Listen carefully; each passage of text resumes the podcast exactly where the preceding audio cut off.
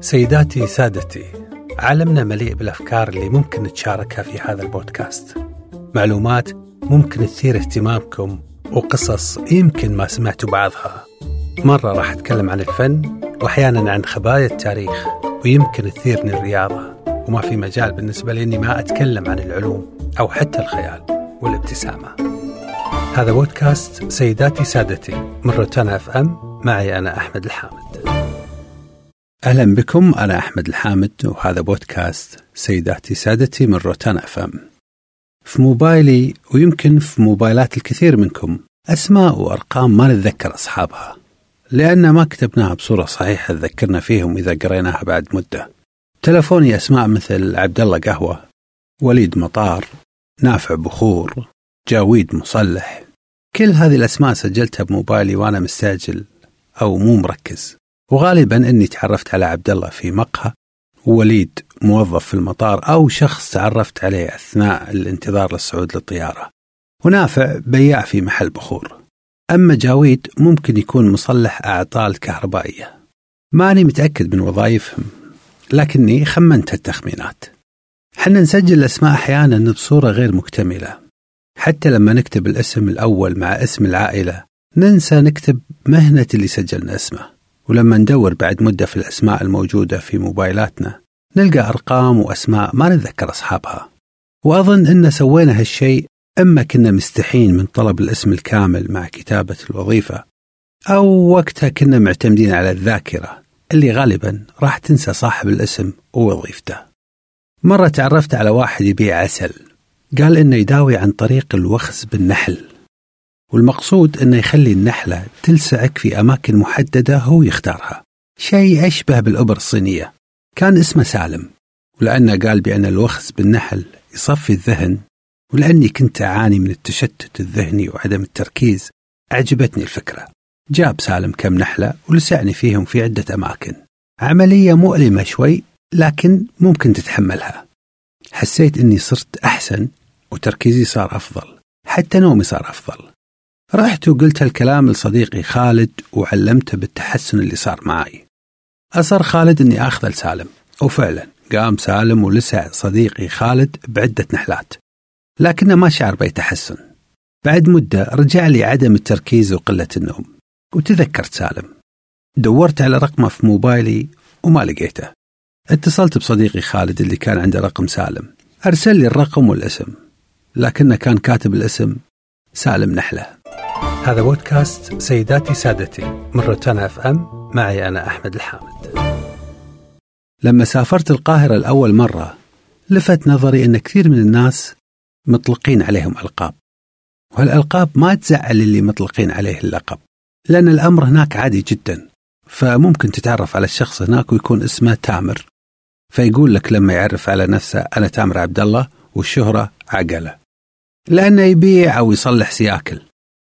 وأنا هناك تعرفت على عدة أشخاص. واحد كان اسمه رامي أفيش ورامي هذا كان يكتب أفيشات الأفلام أو أغلفة الأفلام أو إعلاناتها.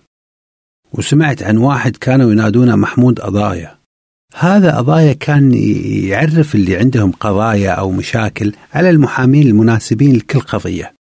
وكان عنده معلومات عن القوانين والأحكام رغم أنه ما كان محامي.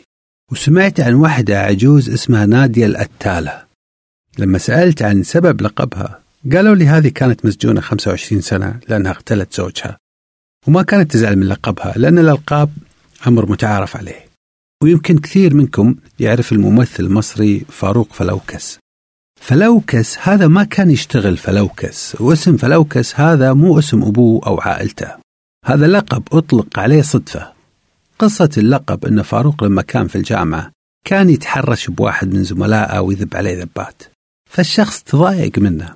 كرر فاروق تحرشه وذباته على زميله. وفي مرة من المرات عصب هذا الزميل وقال لفاروق قدام الطلبة أنت شخصية مش محترمة أنت فلوكس وصار هذا الزميل كل ما يشوف فاروق كان يقول له قدام الناس يا فلوكس وشوي شوي صاروا الناس هم ينادون فاروق يا فلوكس ومن يومها انتشر اللقب على فاروق وصار فاروق فلوكس فاروق يقول إن اللقب انتشر علي والناس كلها ينادوني فلوكس وأنا للحين مو عارف إيش معنى فلوكس. كان عنده زميل اسمه توحيد رامي وتوحيد هذا ابن الشاعر الكبير أحمد رامي. اتصل فاروق على توحيد فرد الشاعر أحمد رامي على التلفون. قال فاروق لأحمد رامي أنا فاروق فلوكس ممكن أكلم توحيد؟ فقال لأحمد رامي توحيد مو موجود بس ممكن أسألك. فلوكس باللام ولا فتوكس بالتاء. فقال فاروق باللام. فقال أحمد رامي شوف يا ابني فتوكس باللام اسم من أسماء الأسد. أما فلوكس فهذا نبات ينبت على المياه الراكدة. عموما في مصر لقب الشهرة منتشر ومتعارف عليه. حتى في عقودهم يكتبون الاسم ويحطون معاه لقب الشهرة إذا كان في لقب شهرة. قبل أيام وأثناء انتظاري في عيادة الأسنان طالعت الأسماء اللي سجلتها بموبايلي بطريقة مستعجلة ومن دون كتابتها كاملة مع وظيفة أصحابها. لقيت أني مسجل أسماء ووظائف غريبة. سعد تمر. وعلى الأغلب أنه يبيع تمور. فارس معرض. والأقرب أني التقيت فيه بمعرض معين. مروان شقة. أظنه يشتغل بأجار الشقق. عبد الله غنم. عبد الله هذا كان يبيع ذبايح. ومثل ما أسوي أنا بالأسماء وأصحابها. يسوون الناس فيني نفس الشيء. تأكدت من هالشيء لما التقيت بدكتور مختص بعلم الاجتماع. التقيت فيه في دعوة عشاء. هالدكتور سبق واستضفته في برنامج إذاعي قبل كم سنة. بعد ما تبادلنا التحية قام وطلع موبايله وسألني وهو يقرب موبايله مني. هل ما زلت تستخدم نفس الرقم؟ كان رقمي نفسه لكني لمحت الاسم اللي كان كاتبه مع رقمي كان كاتب أحمد إذاعة. أنا قلت يلا زين أحمد إذاعة. لو كنت أبيع دخان كان سجلني أحمد دخان أو أبيع ثياب كان سجلني أحمد ثوب. حتى أنتم يا أعزائي تعتقدون شنو مكتوب مع أرقامكم؟ تلفونات الناس.